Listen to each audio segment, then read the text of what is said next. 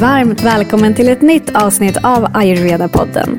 Här pratar vi om vad ayurveda egentligen är för något och hur den här kunskapen kan göra skillnad för oss alla och vår hälsa. Syftet med podden är att låta ayurveda gå från något abstrakt och avlägset till något mer konkret och lättillgängligt. Jag som pratar nu heter Johanna Mård och den här gången så är det min vän Marie Maitri som har bjudit in hennes vän Anki Warberg Landahl till det här härliga samtalet.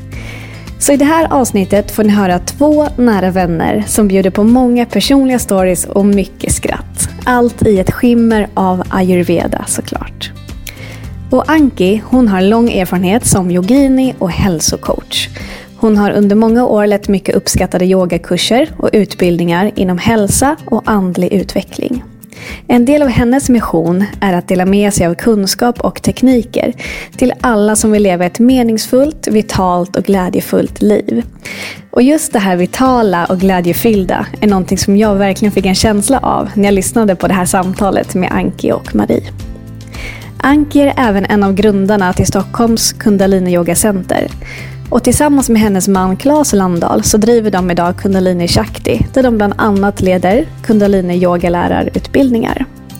De håller även i inspirerande retreats, workshops och konserter med yogisk musik. Anke håller också i längre kurser med särskilt fokus på just kvinnohälsa. Och i det här avsnittet berättar Anki på ett underhållande sätt hur hon låter ayurveda influera och forma hennes vardag. Du kommer få höra stories från när Marie bodde på ett ashram och stories från Ankis alternativa bröllop.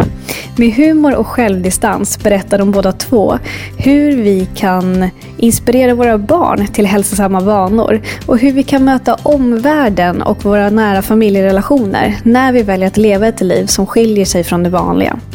Och just det här med att leva ett alternativt liv är något som de pratar lite mer om. Det vill säga vilka konsekvenser som de själva har upplevt sedan de valt att leva sina liv inspirerade av yoga och ayurveda. Och en av många saker som landade i mig efter jag hade lyssnat på det här är det här med att hur kloka vi alla blir när vi tillåter oss att komma närmare oss själva och låta vår inre röst guida oss. Jag hoppas att du kommer finna det här samtalet lika givande och underhållande som jag gjorde.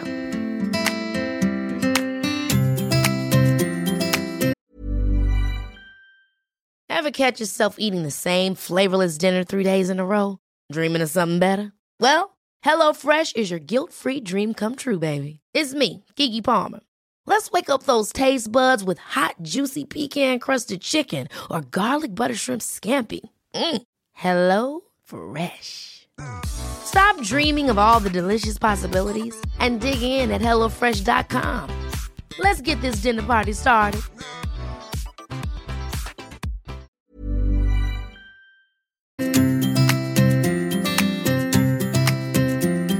Så välkomna till Ayurveda-podden idag.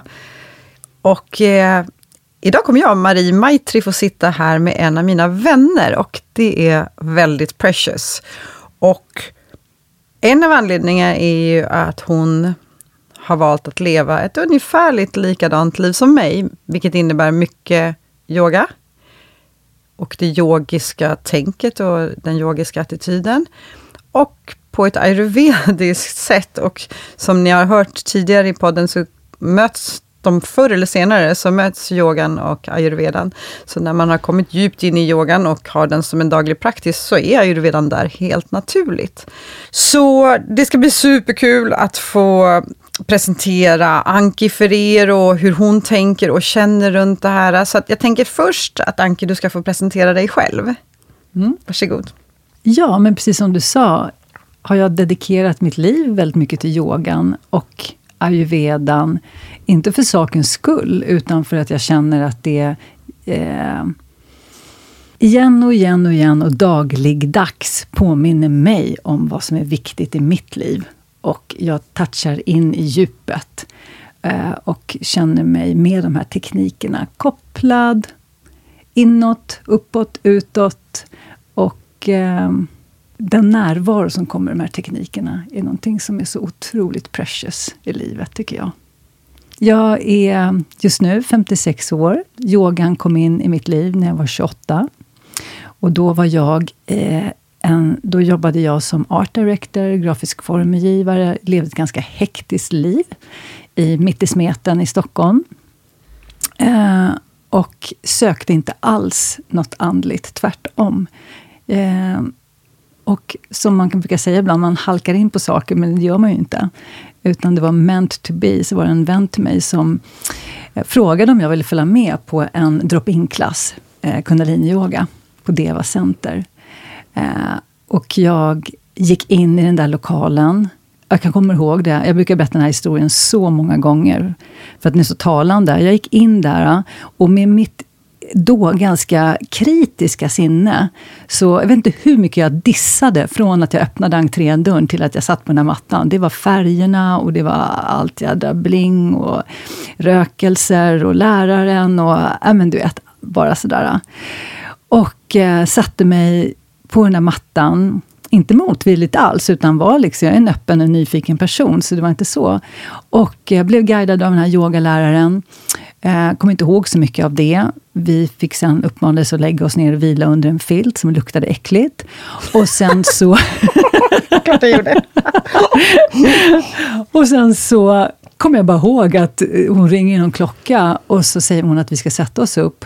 Och den, den platsen jag är på då, är, jag, kan, ja, jag blir berörd varenda gång jag berättar den här. Den var så speciell att den där och då faktiskt så här efteråt förändrade mitt liv. Det gjorde det där och då. För jag bara kände, det här är någonting... Jag, touch, jag kände någonting som jag aldrig hade varit i kontakt med. Och som var så stort och så ordlöst och så vackert att jag inte ens visste att jag hade längtat efter hela mitt liv förrän då. Och, eh, och där började min resa. Och den var verkligen full on från början. Jag bara signade upp mig direkt på en eh, yogaklass. Gick liksom väldigt dedikerat varje, varje vecka. Och när jag kom ut ur den där yogalokalen så tog jag min cigg och gick och drog en öl. Liksom. och så gjorde jag det i typ ett halvår. Och sen frågade min yogalärare mig om jag ville följa med till Frankrike till en stor internationell yogafestival. Och jag bara yes, det vill jag. Så jag och min kompis som hade tagit mig till den här eh, drop-in-klassen, vi följde med.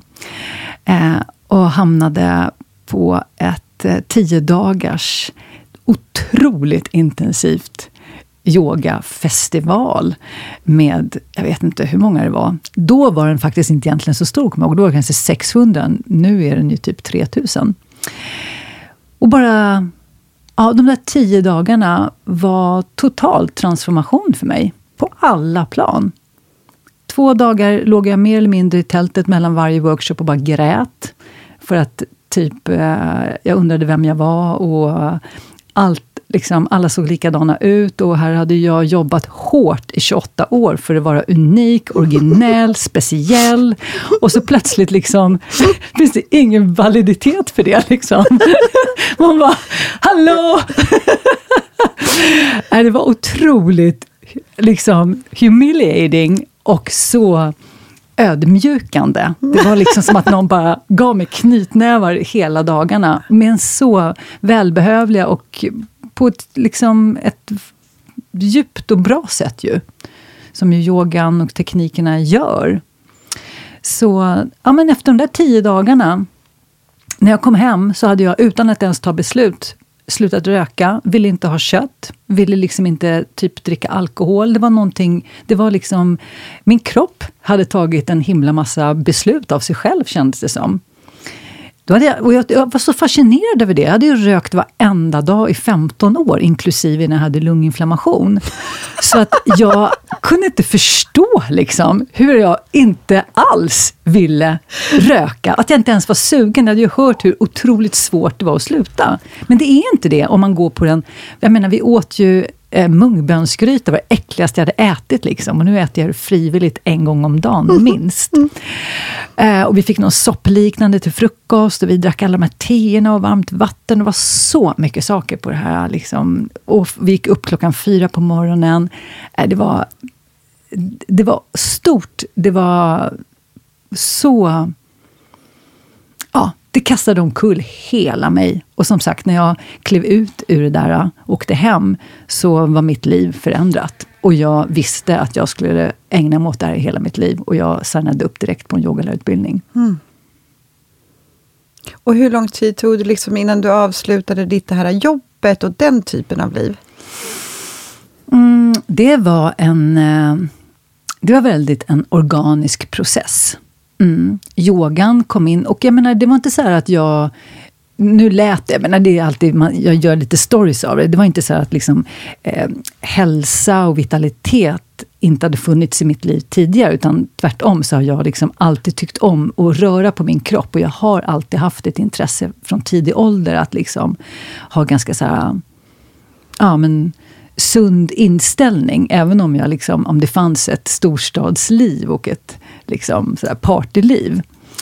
Um, men yogan kom in, eh, jag gick utbildningen, jag började jobba som yogalärare och fortsatte som art director. Eh, och eh, ja, men började med mina, enligt liksom mina ah, kollegor, då, lite märkliga rutiner. och Folk liksom bara, okej okay, Anki, vad, det här vattnet du håller på med hela tiden, vad är det så bra för? Och, ja, men man får frågor såklart. Ju. Eh, det var bra. Det var som att jag fick liksom... Ja, men jag, det var ju träning att så här, stå upp för sig själv. Det var väldigt mycket så här, träning i självledarskap, att vara, vara kvar i den här miljön, där inte det var prio på, utan det var ju prio, en helt annan livsstil där. Men det tog några år. Eh, det blev svårare och svårare för mig att sitta på möten där det största problemet var att liksom det, var lite mer, det var lite för mycket gult i den blåa färgen på den här förpackningen som jag hade designat. Och det var liksom, man skulle trycka om och tusentals kronor. Det var någonting i det här som bara kändes, började kännas oskönt i mig att vara i. Och, eh,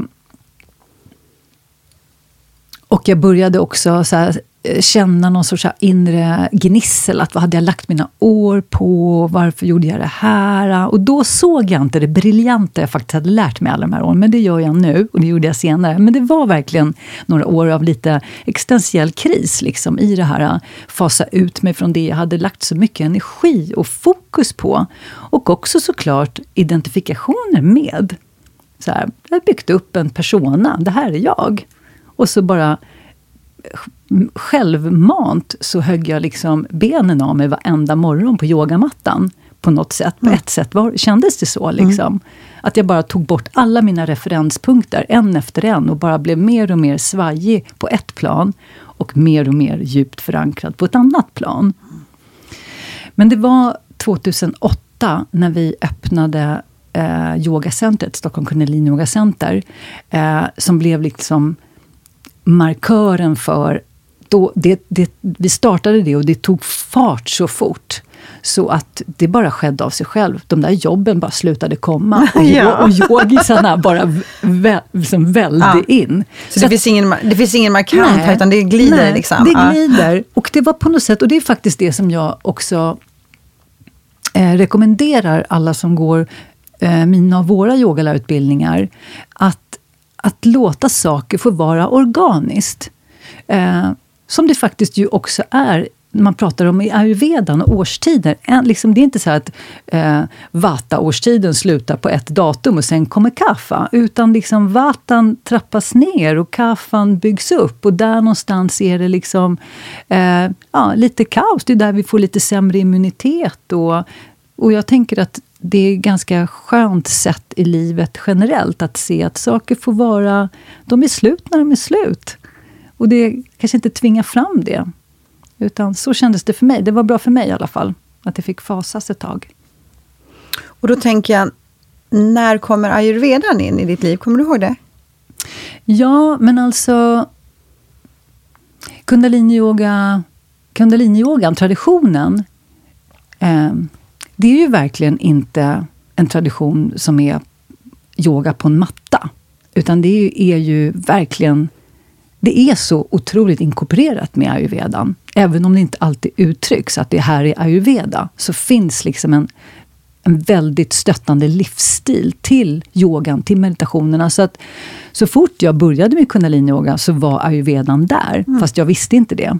För du hade inte orden på det då? Nej, jag hade Nej. inte orden på det då. Utan det var bara liksom, ja, men, olika rekommendationer för att stödja processen och utrensningen. Så att, eh, och som jag sa, den här tio dagarna nere i Frankrike, där fanns ju det. Vi käkade mungbönsgryta varenda dag och det var liksom lite, ja, det var bara två måltider om dagen och det var de här eh, olika typer av örtteer. Mm. Eh, så det fanns där, gi. Mm. Eh, men sen så tror jag att det första liksom, det mötet jag kommer ihåg mm. med ayurvedan, det var eh, boken Bättre hälsa, heter den va? Perfekt hälsa med Deepak Chopra. Mm. Och den där boken, jag bara älskade den. Alltså jag, jag, vet inte hur fort jag läste den, men fort gick det. Och jag bara liksom typ läste så här, från början till slut, från slutet till början, dök in. Och den står fortfarande i min bokhylla. Har du också den? Det roligaste är, Anki, att när vi har haft podden tidigare, så om jag bara skulle rekommendera en bok, mm. så är det faktiskt den, för mm. att den är tillräckligt djup och komplex, mm. mm. och ändå populärskriven, så mm. att den är liksom enkel. Så den boken kommer tillbaka hela tiden. Ja. Ja, så vilket jobb han har gjort ja. med, just att få ut den boken, ja. eftersom flera av oss har sagt att det var den första. Mm. Och då är det inte den snyggaste framsidan, så det var inte det som drog. Nej, verkligen Nej. inte. Nej. Verkligen Vad kul inte. att det var det, det för dig med. Alltså, det är fortfarande min bibel. Skulle jag Alltså den har allt. Ja. Den, har ju, den inkluderar yogan, den inkluderar oljor, den inkluderar ja. rubbet. Liksom. Ja, verkligen. Och, eh, och jag tycker också att ju mer, mer jag lär mig själv om, om ayurvedan, så kan jag se ännu mer hur fantastisk den är. Mm. Mm. Mm. Jag får ja, gå tillbaka är... till den en sväng igen och läsa igenom ja. den, för nu var det så länge sedan. Ja, ja men verkligen. Och sen då när jag gick yogalärarutbildningen, då var Peter Ljungsberg, som ändå har varit en framträdande ayurveda-spridare i Sverige, då var han med på vår utbildning en dag och introducerade ayurvedan. Eh, så det var jättefint att få den där. Och jag tror att jag också... Och då gjorde jag min första konsultation. Och hur länge sedan är det här, Anki? Det här är då år 2000. Så vi pratar 23 år sedan? Ja. ja. Mm. Och då, då gick jag på den första konsultationen med honom och hade, jag tror att eh, och det, och det är ju det som har varit liksom min akilleshäl, har varit mycket min mage. Hur den fungerar eller inte fungerar. Och jag gick på en konsultation till honom och trodde liksom att jag skulle få eh, en massa preparat, att han skulle trycka på mig och sådär och hålla på. Och jag vet att jag blev så sjukt besviken på att liksom, eh, hans rekommendationer, vad jag skulle göra. Eh, så jag tror inte ens att jag gjorde det, för att jag tänkte det är för lätt, eller det kan jag inte göra. Eller för mig var det inte ens för lätt, det var svårt. Han sa så här, sitt på toaletten i tio minuter varje morgon. Jag, kan, jag lyckas fortfarande inte med det. Det är jättelång tid. Det är det svåraste. Uh. Doing nothing. Doing nothing. Det hade varit skönare med något piller. Liksom. Ja, Eller, ja. ja, och det är det som jag tycker är så... Och det är väl det som jag har lärt mig att älska med ayurvedan. Att det är, det är den här typen av, alltså så här, till synes ganska enkla eh, justeringar, stöttningar i livet. Men där vi är, i vårt i det liv vi lever, i det samhälle vi så är det så sjukt utmanande. För att det handlar ofta om tid och närvaro. Och det är det vi, vi sällan, eller det de flesta människor har utmaningar med. För jag kommer ihåg när jag var hos Peter första gången. Ja. Då fick jag, jag var jätteirriterad på allting som stod. Det stod ganska mycket och allt gjorde mig irriterad. Jag tror inte att jag gjorde något. Förmodligen om, jag, om det gick att köpa ett piller så gjorde jag nog det. Ja. Triffala tror jag kan ha kommit in där. Ja. Men det var att jag skulle vara närvarande i abhajanga-massagen. Så när jag masserade mig själv så skulle jag liksom vara närvarande i handen. Och mm. gud vad jag fnös och sådär. Alltså, mm. Så precis det du säger. Det handlar så mycket och ofta om att vara där. Mm. Inte bara göra abhajanga-massagen, utan vara i fingrarna. Ja. Jätteirriterad vart jag. Ja. Pitta, pitta, fort, fort. ja, ja, men verkligen. Mm. Det är där mycket läkning sker ju. Hela tiden, vad man än gör i närvaron. Visst. Oavsett om det är i relationer, eller i yogan, eller när vi äter. Och som du sa i början, att mycket av teknikerna handlar om att kunna hålla närvaro. Många av teknikerna handlar om att kunna koncentrera sig, att hålla fokus på någonting under en längre tid och se när du förlorar det. Mm. Ja, det är ganska mycket av teknikerna. Ja. Så Anki och jag har ju också gått samma utbildning Markaryd.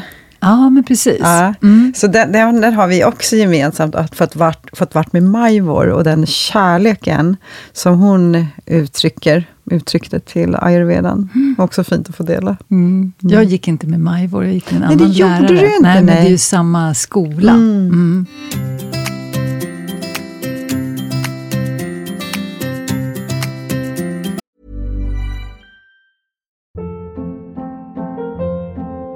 Hold up. What was that? Boring. No flavor. That was as bad as those leftovers you ate all week. Kiki Palmer here, and it's time to say hello to something fresh and guilt-free. Hello Fresh. Jazz up dinner with pecan-crusted chicken or garlic butter shrimp scampi. Now that's music to my mouth. Hello Fresh. Let's get this dinner party started. Discover all the delicious possibilities at hellofresh.com. One size fits all seemed like a good idea for clothes Nice dress. Uh, it's a it's a t-shirt. until you tried it on. Same goes for your healthcare. That's why United Healthcare offers a variety of flexible, budget friendly coverage for medical, vision, dental, and more. So, whether you're between jobs, coming off a parent's plan, or even missed open enrollment, you can find the plan that fits you best. Find out more about United Healthcare coverage at uh1.com. That's uh1.com.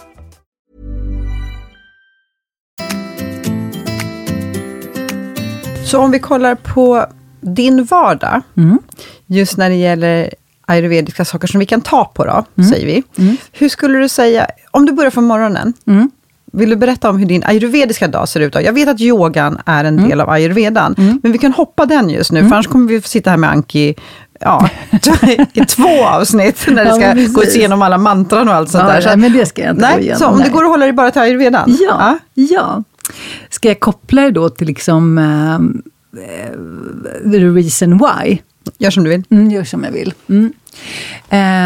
Ja, men jag går upp lite olika tidpunkter, men inte efter sex. För jag känner verkligen det som ayurvedan lär ut, att efter sex så kommer kaffan in med tyngd och seghet. Och eh, det, det är otroligt påtagligt i min kropp. Så ja, men kvart i sex är nog det senaste tiden som jag går upp.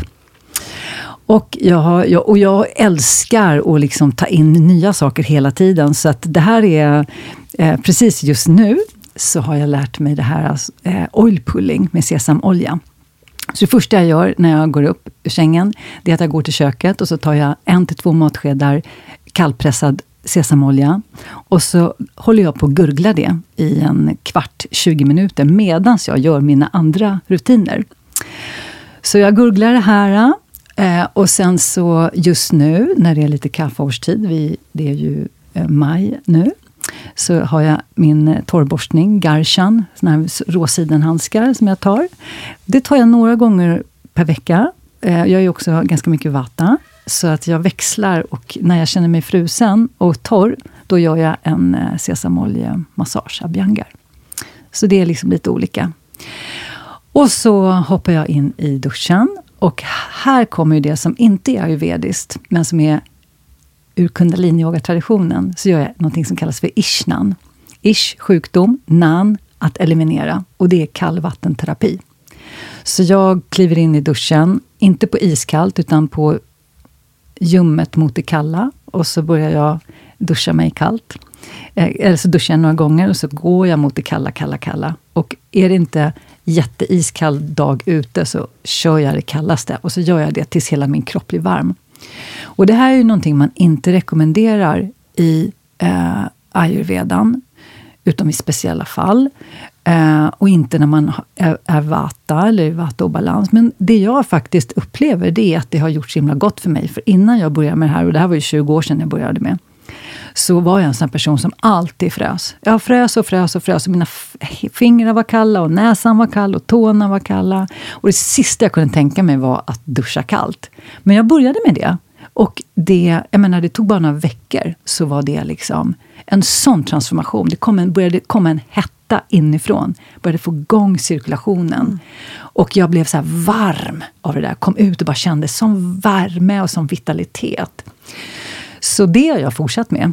Sen så, eftersom jag också eh, känner till och behöver extra koll nu, i och med också min ålder med vattan, så gör jag inte det riktigt lika mycket på vinterhalvåret. Men nu har jag börjat med det igen, verkligen. Mm. Så då är det lite kalldusch. Eh, och sen så kommer jag ut ur duschen. Och, eh, och så går jag och klär på mig mina yogakläder. Och sen spottar jag ut den här oljan som jag haft i munnen hela tiden. Och så skrapar jag tungan. Jag skrapar ända lång, längst bak, där vattasätet är på tungan. Och liksom får de här lite så här, Och som också gör att ögonen börjar rinna lite. Vilket också är bra för ögonen. Du vet, det här är så nördigt och det är så himla härligt. Jag älskar det, älskar det. Ah, det är som porr för mig. Ja, ja, precis. Ja. Och sen har jag glömt att berätta att jag har redan preppat varmvattnet. Så vid den här stunden så är det perfekt temperatur för att ta en tesked GI och en tesked citron som är en huskur för att rensa slaggprodukter, eller AMA som det heter. Eh, som jag eh, känner att, framförallt vid den här tiden på året, där det är liksom mycket tyngd från vintern som ligger kvar i systemet. Så då har jag det. Så det är inte varje morgon? Det är varje morgon nu. Mm, men man behöver inte dricka det varje morgon under året. Utan det är mer om man har lite amma i systemet. Om man har den här lite tyngden och kan känna att liksom... Men jag har gjort det ganska mycket, för jag har mm. känt att jag har haft det. Så dricker jag det där, en, deciliter, en och en halv deciliter kokt vatten med en tesked ghee och en tesked färskpressad citron. Och sen går jag till min yogamatta. Och sen gör jag pranayama och så gör jag mitt eh, yogapass. Och sen mediterar jag.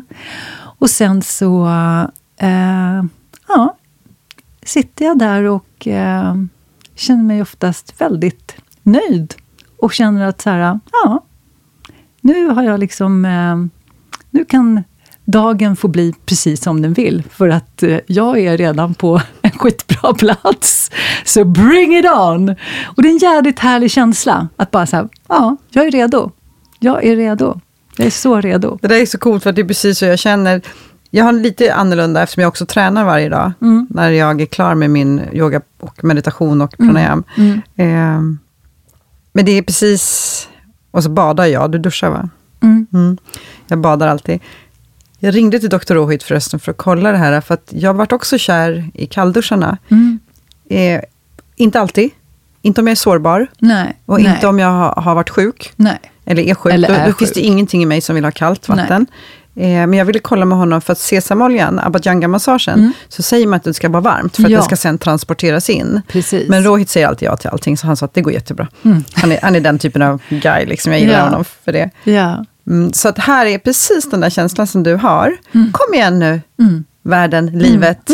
Mm. Mm. Nu kan lite vad som helst hända, för jag är så centrerad. Mm. Mm. Sorg, dålig energi, mm. underbar energi. Mm. Bring it on! Mm. Jag är så solid. Ja, men verkligen. Och jag älskar det också med, med ayurvedan, för den pratar så himla mycket om att bygga upp immunitet.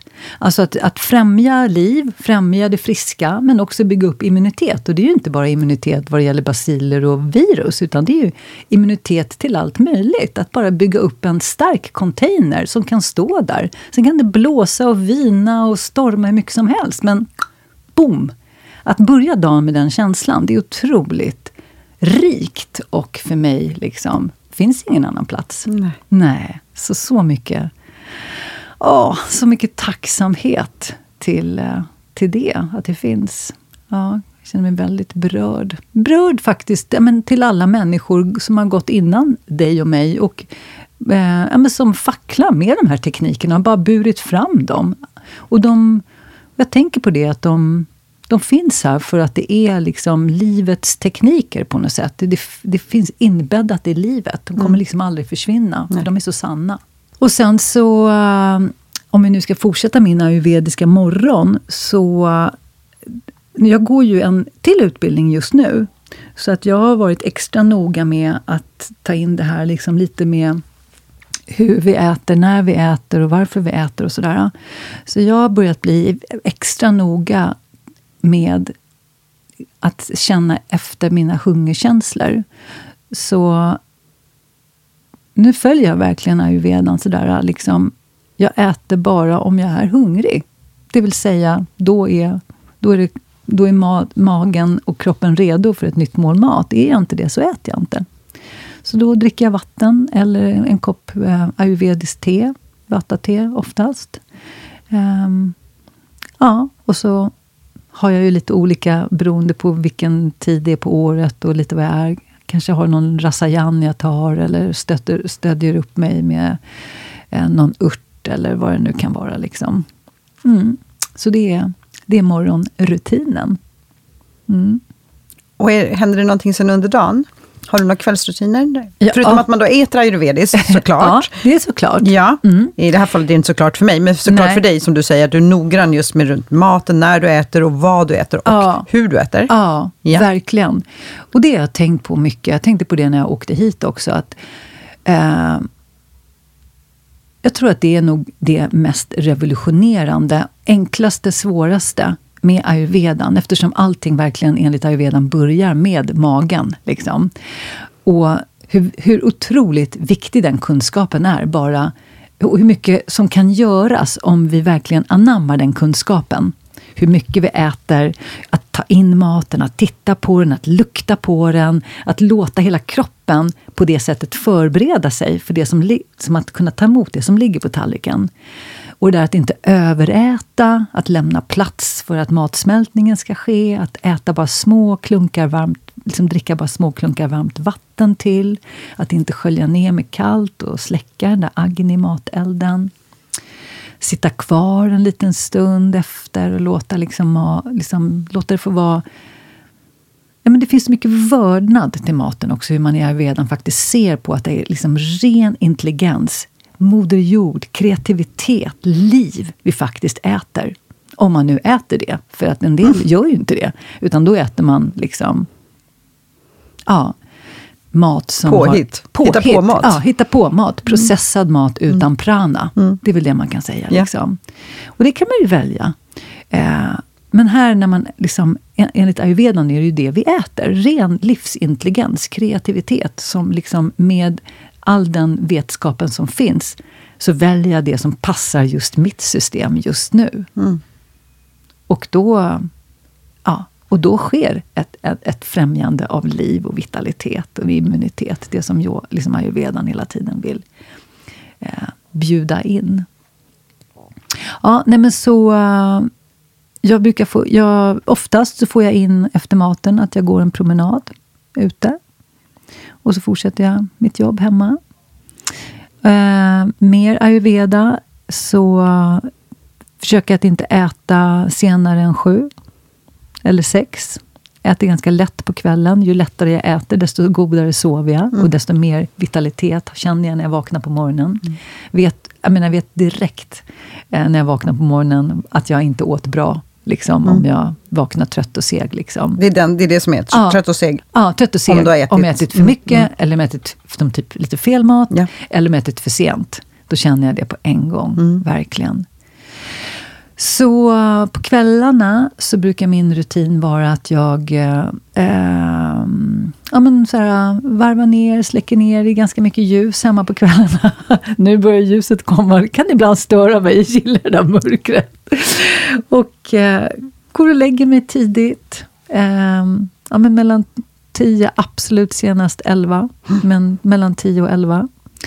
Eh, innan jag går och lägger mig så brukar jag duscha mina fötter i kallt vatten faktiskt, för att få ner hettan från huvudet, ut ur kroppen. Och så masserar jag vid sängkanten med olja. Trycker ordentligt. Sesamolja eller?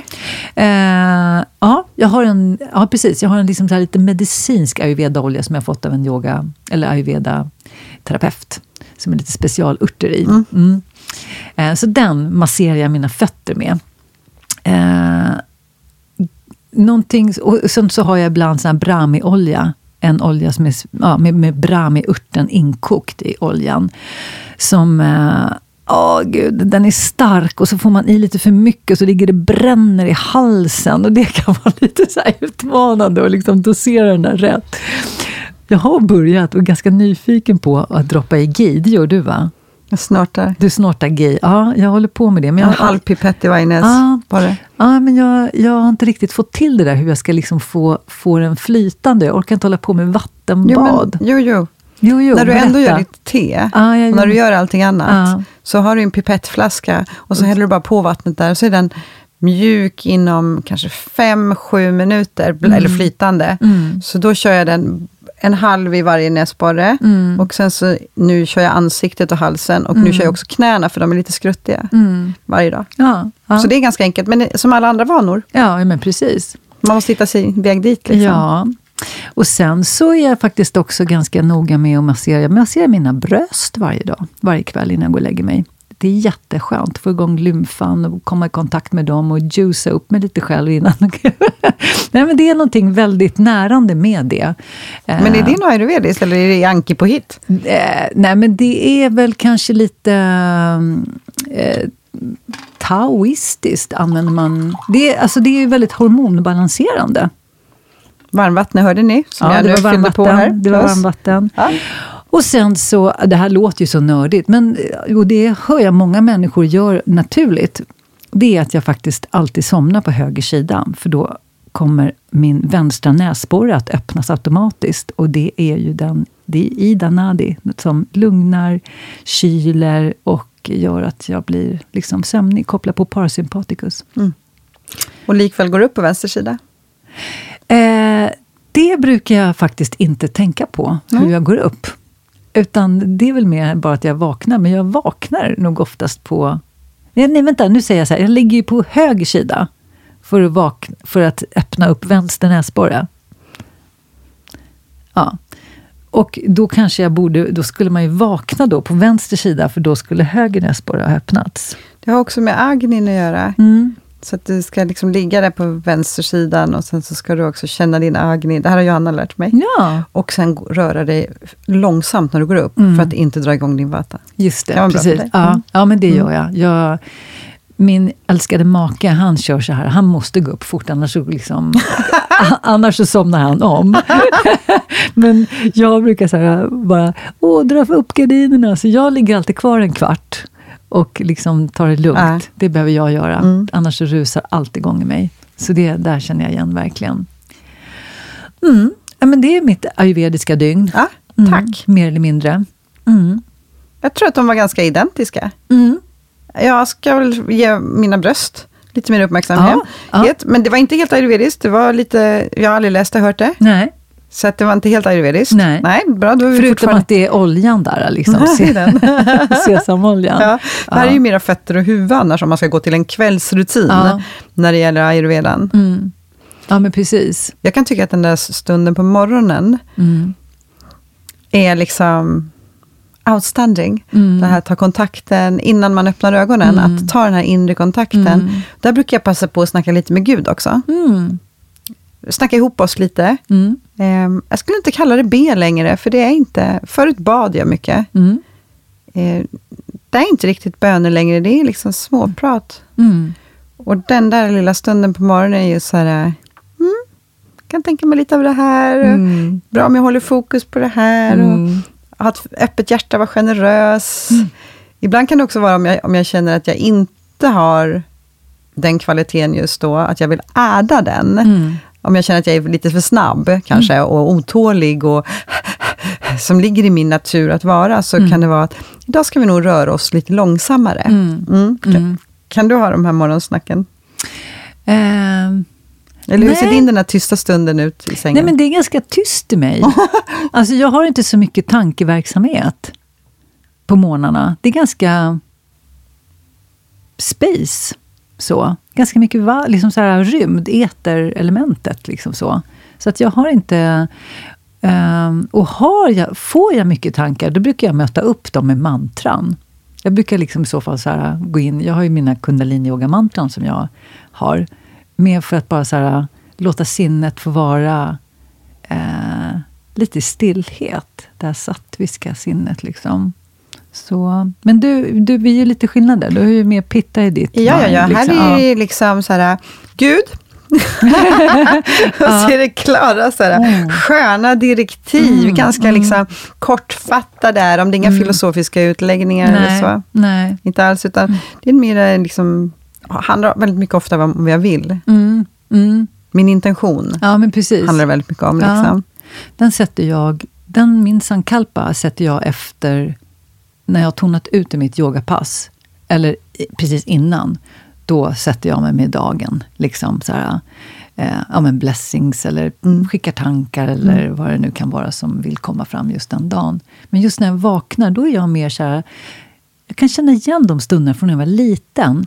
Då öppnar jag ögonen och ser som att jag tar in världen. Jag kan ligga och titta på liksom här, hur, en, hur liksom ett, ett hörn ser ut i skuggorna. Jag kan titta på en blomblad. Alltså Det är den väldigt liksom... Ja, är jag mer. Och jag är mer i doing mood, Mm. nästan Mm, alltid, liksom, vare sig jag är medveten om det eller Mm. inte. mm, Så är jag on my way. mm. Så att jag behöver liksom så här, kom igen.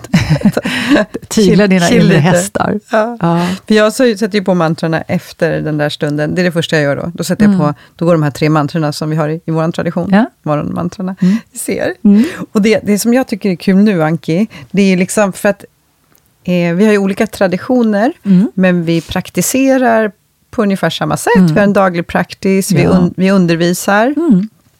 båda två. Vi håller i retreat, så att vi har ägnat vårt liv, vårt privata liv, Mm. och vårt, också om vi ska säga yrkesliv, men det är inte riktigt rätt ord, eh, kall, Ja. till att eh, få dela med oss av det här som Mm. vi tycker är fantastiskt med yoga och ayurveda.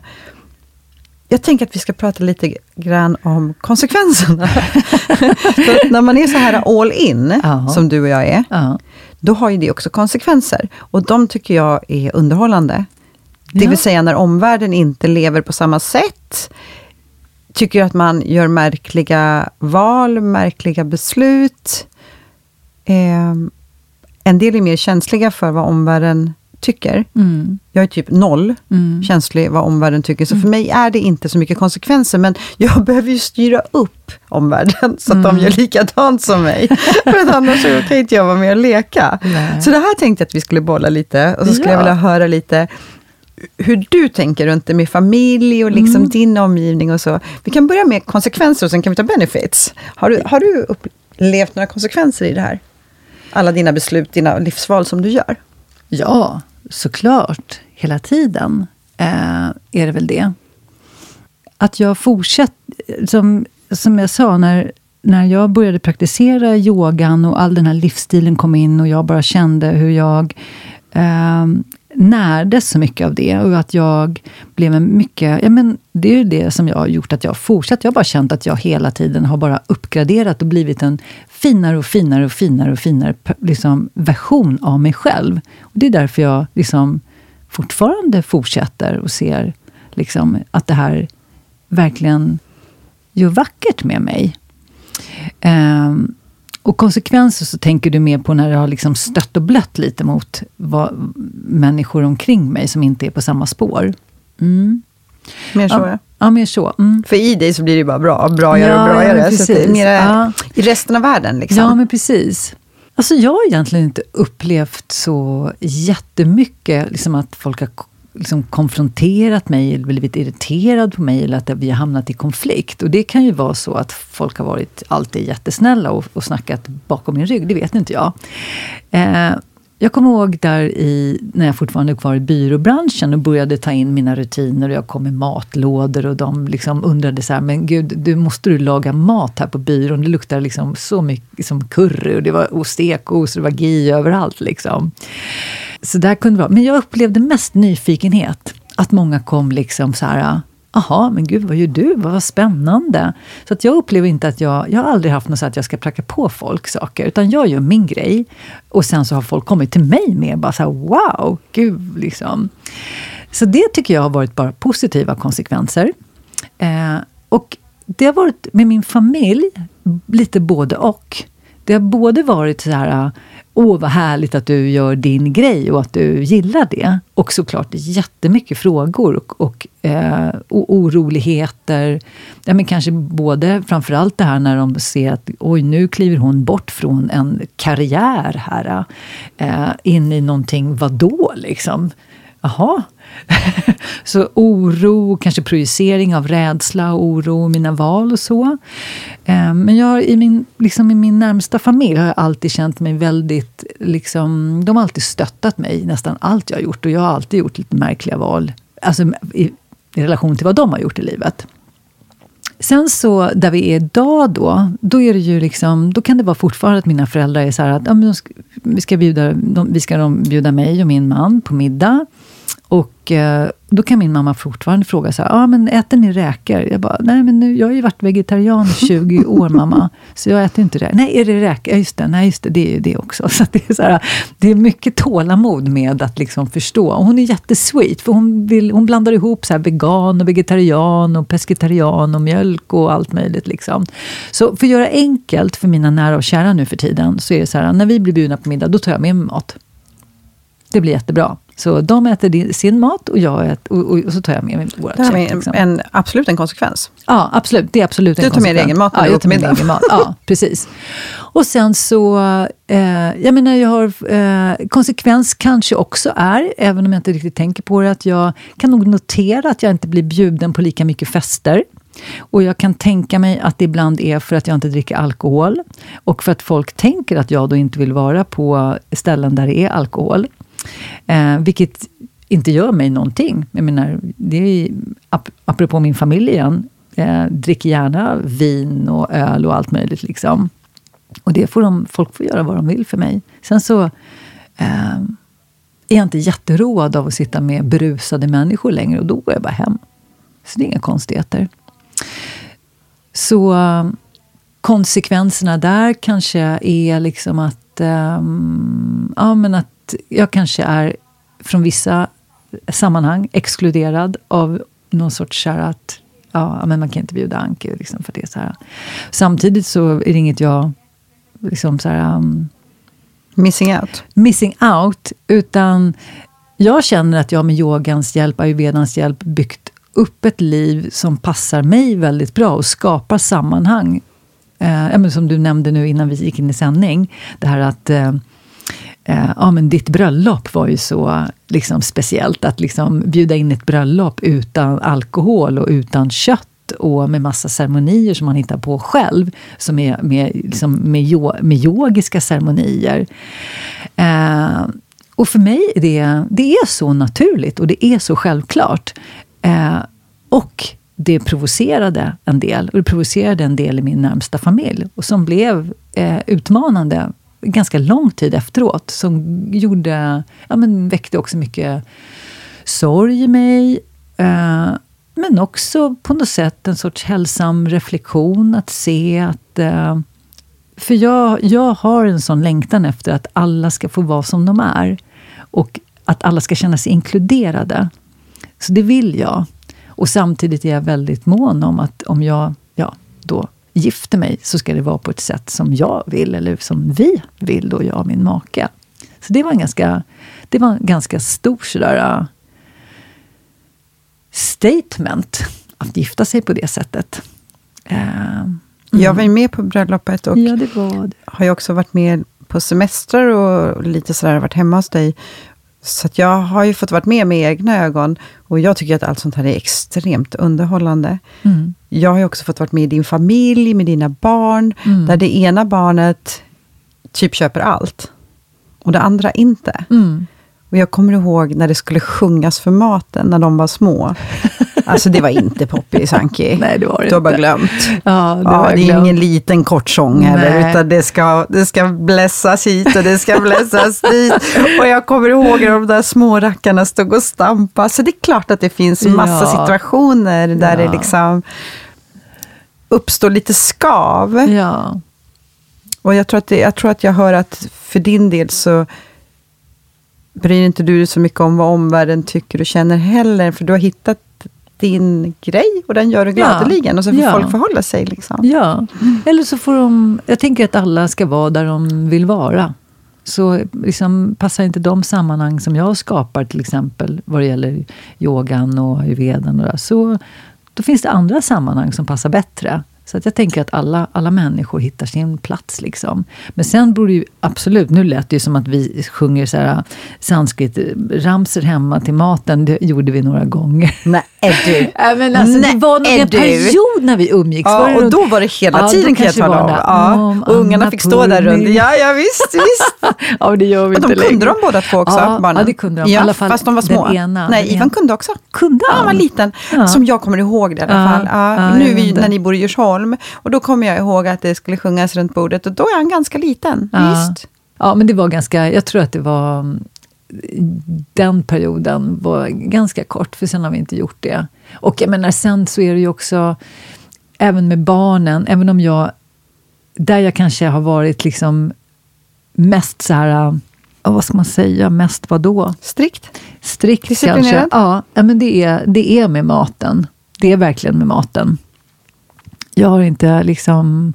Jag har inte varit den där mamman som säger ja till att gå på McDonalds, verkligen. Utan jag har gjort det till en stor grej. Liksom. Men jag släppte det när de var typ 13-14. Och det, man kan ju inte göra något annat heller. Då blir det bara en konstant. Liksom. Men fram tills, fram tills där, när de har egna pengar och självmant tar sin veckopeng och går till McDonalds, då är det bara namahal. Liksom. Ja, gör det du vill. Visst. Och det gjorde de ett par år och nu är de inte intresserade av det. Och det där är, är ju ganska häftigt också att se. Liksom. Men det känner jag så här, eh, jag gillar det. Jag känner att jag vill ändå, så här, jag vill förmedla det som är viktigt för mig till mina barn. Och sen får de göra vad de vill med den kunskapen. Men jag vill inte känna att jag inte förmedlade det som jag tyckte var viktigt Nej. att ha med sig i livet. Eh, Jag vet, jag hade den... Eh, Emma växte ju upp utan att äta djur också.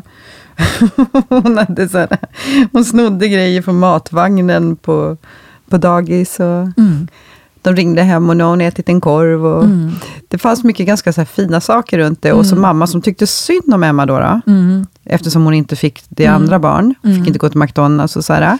Eh, så då tog hon henne till McDonalds i smyg och gjorde lite Mm. andra grejer och så. Så att här har man ju den här delen som jag verkligen ville ge henne. Mm. Som vi har ju inte liksom snackat och käkat nattmackor och sådär.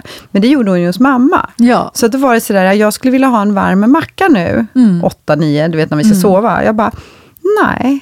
Nej. Hon bara, fast jag är hungrig och jag får det hos mormor. Jag bara, jag förstår det, men vi äter till middag här och sen så Mm. kan man få vara lite hungrig, det är inte hela världen. Mm. Du kommer Mm. somna. Så Mm. där var jag också så här, Mm. fick verkligen stå på mig. Och jag känner att jag är väldigt tacksam för det idag. Mm. För att jag har gett Emma Mm. en bra grund. Sen Mm. gör hon vad hon vill med den. Ja. Men uh, hon går inte på McDonalds Nej. speciellt mycket. Nej. Hon har aldrig varit på Pizza Hut, tycker jag är Nej. ganska intressant. Aldrig. Men det är inte, och än en gång inga så här regler eller så här Nej. do's and don'ts, utan det är bara att Nej. jag har inte varit intresserad av att ge det till henne. Men i och för sig, Anki, en gång så hade hon varit hos någon kompis som inte fick äta pizza. Inte Billys pizza och inte såna här, ja det var Billys främst. Och då kände jag så här att, ah intressant, Emma vet du vad vi gör? Vi går och köper alla pizzorna som finns. Ja, det kommer jag ihåg. Ja, nere i affären. Peka ut alla som du vill ha. Ja. Och så går vi hem och så testar vi alla. Ja. För jag kände vad det här att när man inte får göra Ja. saker, vad det skapar för tension. Och det kommer bli tvärtom. Så jag, jag tänkte, och det är samma sak med, jag tror jag berättade med, vad heter det, cereals? Flingor, vi har aldrig Ja. ätit flingor hemma. Nej. Eh, och hon hörde talas om Tjockipops och Bopsy-Popsar och allt Mm. sånt där som inte vi har haft hemma. Jag bara, kom, Mm. gå. Mm. Pick whatever you want. Mm. Och så går vi hem och käkar. Och så fick hon käka det och så stod vi bara bort. Och det var ingen biggie. Nej. Men jag ville aldrig skapa att hon skulle ha den här så att hon behövde sno korvar från vagnen. För det är det som händer, för jag hade också en ganska oskön energi Mm. mot att äta djur. Mm. Det, var sån hög, det var så mycket frekvens runt det, så Mm. klart hon började sno korvar. För jag höll Ja. på så mycket runt det där. Ja. Jag, var inte liksom, eh, jag lät inte folk hålla på med sina egna grejer. Nej. Nej, Nej. och då skapar man det. Ja, nej men jag släppte också, för vi har också varit liksom, eh, vegetarianer hemma tills några år tillbaka. Eh, och det var egentligen faktiskt för att eh, yngsta sonen började träna otroligt mycket. Och vägrade äta liksom an, annan typ av protein. Så det bara kände så här, nej men nu går inte det här längre. Så då, så då var det så här, äh, det får bli så här. Så nu till och med lagar jag eh, kött till honom. Eh, och, då får, och det får vara så. Jag känner fortfarande så här att nej men, han, han ser hur jag lever. Han vill ha det här nu. Eh, han kommer flytta hemifrån om ett år, kanske.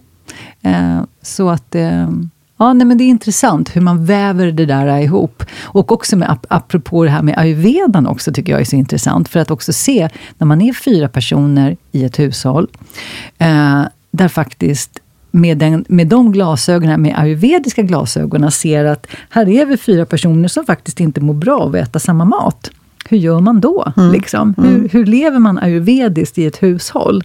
Att liksom, ja, främja allas doshor och se till att alla har balans. Det är inte heller jätteenkel, eh, enkelt. Mm. Um, så det där har också varit ett litet um, utforskande i vår familj. Uh, att jag många gånger har stått och lagat två eller tre olika grejer, liksom, för att alla ska få det som de behöver. Jag tänker, jag har jobbat på kollo i 20 år och nu jobbar jag på kollo med barn inom autismspektrat ibland. Mm. Och det bästa att göra det är att separera saker. Mm. Ja. Så, att, så att alla kan plocka sitt. Ja. Och när det gäller just de som har lite autism eller så, mm. så kan det vara att maten, maten inte ska nudda. Och det finns ganska mycket idéer runt maten. Så att ju mer du separerar, mm ju bättre äter mm. barnen. Mm. Och så var det på kollo utan autistisk spektra. Mm. Att lägger du ihop grönsakssalladen så kommer de inte ta några grönsaker, Nej. men gurkan och majsen och tomaten ja, och sådär. Ja, så det är väl ett, när man är flera i familjen då, det är väl bättre ja. att separera lite saker. Mm. Ja, men verkligen. Så man kan plocka sin grej. Liksom. Ja. Mm. Och jag tänker också, det är så vackert som ayurvedan också delar, att vi människor, om vi är, om vi är i någorlunda balans, så vet ju kroppen hela tiden vad den behöver och eh, vill ha. Så om man ger barn frihet från början, att precis att man serverar lite olika saker och bara har tillit till att deras intelligens vet vad de behöver där och då, så kan man liksom slappna av lite som förälder och att man faktiskt med den lilla ansträngningen också tränar barnen i att vara i kontakt med sin kropp och sina behov och ha det här inlyssnandet än att alla ska äta precis samma mycket och det här sjuka att alla ska äta upp. För det är också så här, verkligen tvinga i barn att överäta och vara rädd när de inte äter så mycket, utan bara låta, med ayurvedans perspektiv, så kan man vara mycket coolare som förälder, tänker jag. För bara se att jag har en, bara lita på sin unges intelligens. Mm. Och att främja den från början, mm. genom att inte tvinga in massa saker. Servera allt, men låt barnet själv och bara notera och observera vad de dras till. Ja, men, jag hade en föreläsning om, om mat, och då tog jag sa, tog det inte ett ayurvediskt perspektiv, ayurvediska ord, men just det du beskriver nu, att låta att vi, redan som barn så blir vi liksom tillsagda att vi ska äta så här mycket och ska vi ha snack och, och ska vi äta upp maten. Och redan där så kör vi över våran möjlighet att känna mm. våran agni, känna, ha en kontakt med våran matsmältning. Ja. Och då just det här att alla vill inte ha frukost, för alla har inte smält maten Nej. än. Kroppen kommer tala om när den är smält, med ja. hunger. Ja. Och då var det en på föreläsningen som började gråta. Mm. För att många har tvingat i sig, mm. eller tvingat sina barn att mm. äta på ett visst sätt, mm.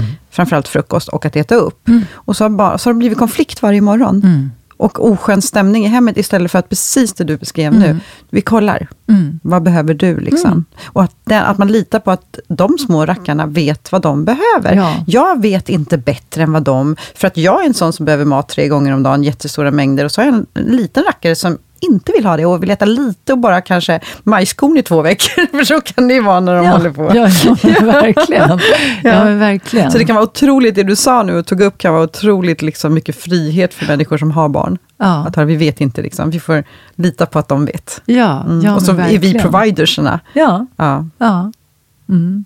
Jag hade en rolig med det här alternativa liksom, levernet. Nu är det mm. inte så alternativt för mig, för alla mina kompisar lever ungefär mm. som jag själv gör, men för min mamma var det liksom starka kontraster när jag tog nya beslut. Mm. Som till exempel när jag åkte till ashramet, var där länge, mm. och där har man ingen kontakt med omvärlden. Och när jag hör av mig till henne och säger att jag stannar här, och, och var så ledsen, liksom, mm. för att det var ju en sekt, och det det är det Om du kollar igenom alla checkpointsen så är det en sekt. Mm, ja. Okay. Ja, ja.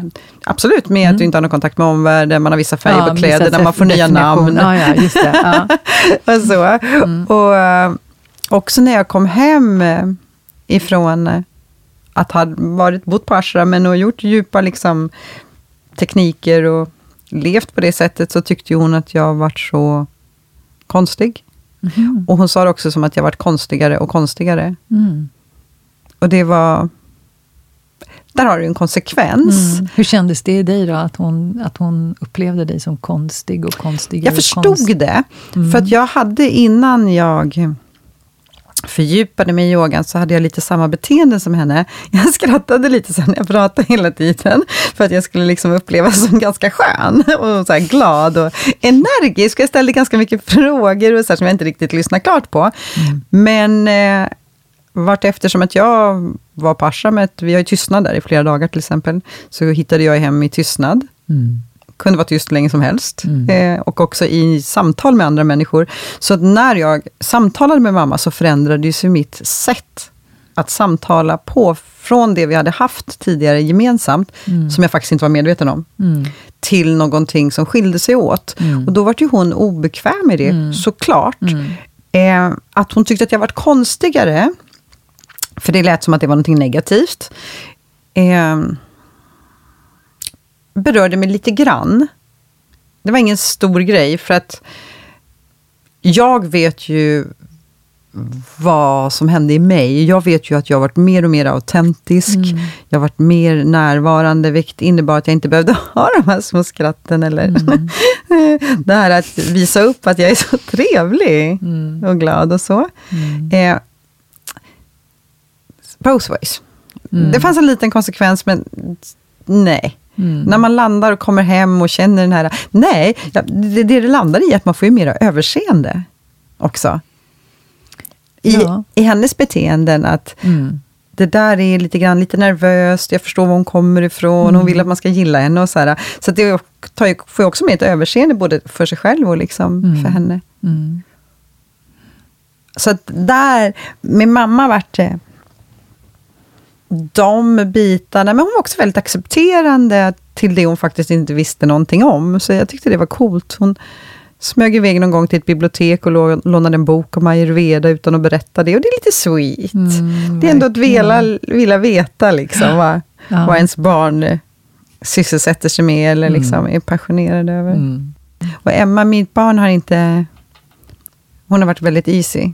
Hon har bara försökt att leta upp mig på morgnarna, för man vet ju aldrig vad jag är beroende på om vi är på kollo eller om vi är ute och reser eller om vi är hemma, så sitter jag ju någonstans. Ja, just det. Mm. Men hon har alltid letat upp mig och så typ lagt sig i knät. ja, nej, så mm. och nu så tycker jag att man... man kan, kan inte du berätta den där roliga om din yngsta? När han var sjuk och du ville komma in där och hjälpa. Du berättade den för mig förra veckan. Den är min favorit. Åh, oh, nu måste du påminna mig. Kommer ja. ihåg. Nej. Du kom in, Ivan var dålig och så kom du in till Ivan och så ville han inte ha dina tips. Ja, ja, ja, ja, ja, just det. Uh, uh, nej, men han är ju... Den yngsta är ju ganska liksom anti allt, allt mitt alternativa, verkligen. Uh, han, han pluggar natur på gymnasiet och är väldigt så här, det är liksom eh, naturvetenskapliga som gäller för honom just nu. Och jag kommer ju alltid med alternativ. Om jag hör att han är lite rosslig, om jag hör att han är lite slemmig på morgonen, så kommer jag där med lite citronvatten och det är varmt. Och liksom, han dricker, han gillar i och för sig varmt vatten. Han, det är några sådana grejer. Men då, då, då säger han inte bara så här, nej, utan då säger han så här liksom, nej det vill jag inte, man vill inte ha dina ayurvediska råd om kaffa, pitta, vata, dosha. Och jag bara liksom så här, wow, här har det gått in information att han till och med kan doshorna ja. by name. Jag älskar den! Den är så bra! eller, eller liksom när, och det, jag menar, det finns ju så många stories om det det är liksom, jag vet för några år sedan när han var så sur på, på mig och, och eh, Claes, min man.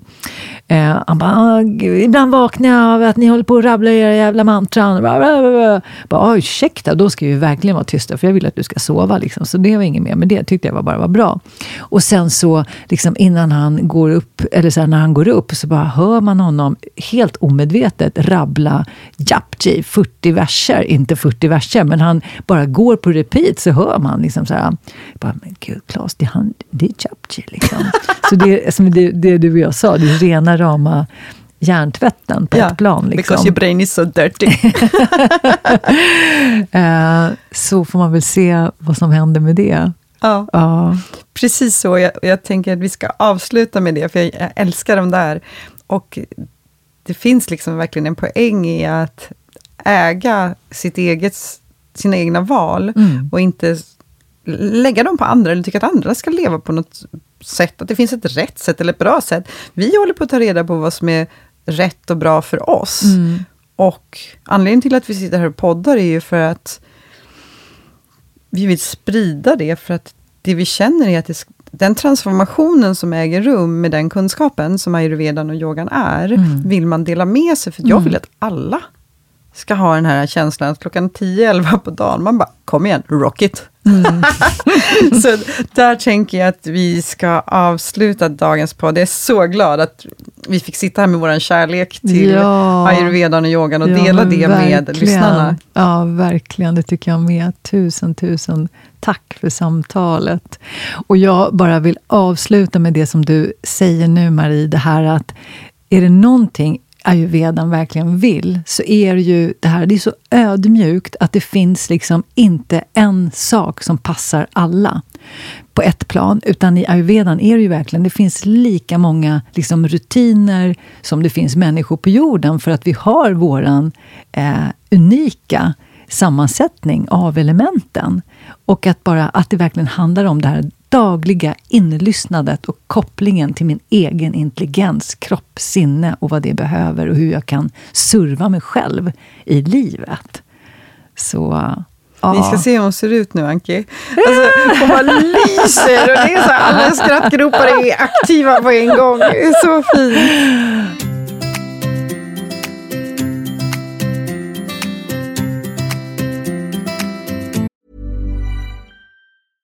Ever catch yourself eating the same flavorless dinner three days in a row? Dreaming of something better? Well, HelloFresh is your guilt-free dream come true, baby. It's me, Gigi Palmer. Let's wake up those taste buds with hot, juicy pecan-crusted chicken or garlic butter shrimp scampi. Mm. Hello Fresh. Stop dreaming of all the delicious possibilities and dig in at HelloFresh.com. Let's get this dinner party started.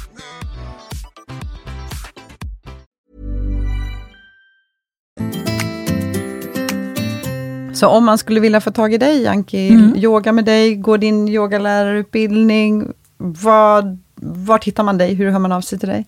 Mm. Man hittar mig på Stockholm Kundalini Yoga Center, anki at kundaliniyogacenter.se och på Facebook, Anki Warberg Landahl, på in. Insta. Mm. Och Johanna kommer också lägga längst ner efter det här poddavsnittet hur man kan kontakta dig. Mm. Så om det är någon av lyssnarna nu som vill veta mer av Anki eller Jappa-Jia eller Greja så vet ni var ni kan kontakta henne. Så tack snälla Mm. för att du kom idag och hängde Ja, med mig. Tack själv. Jättefint och härligt samtal. Tack så mycket.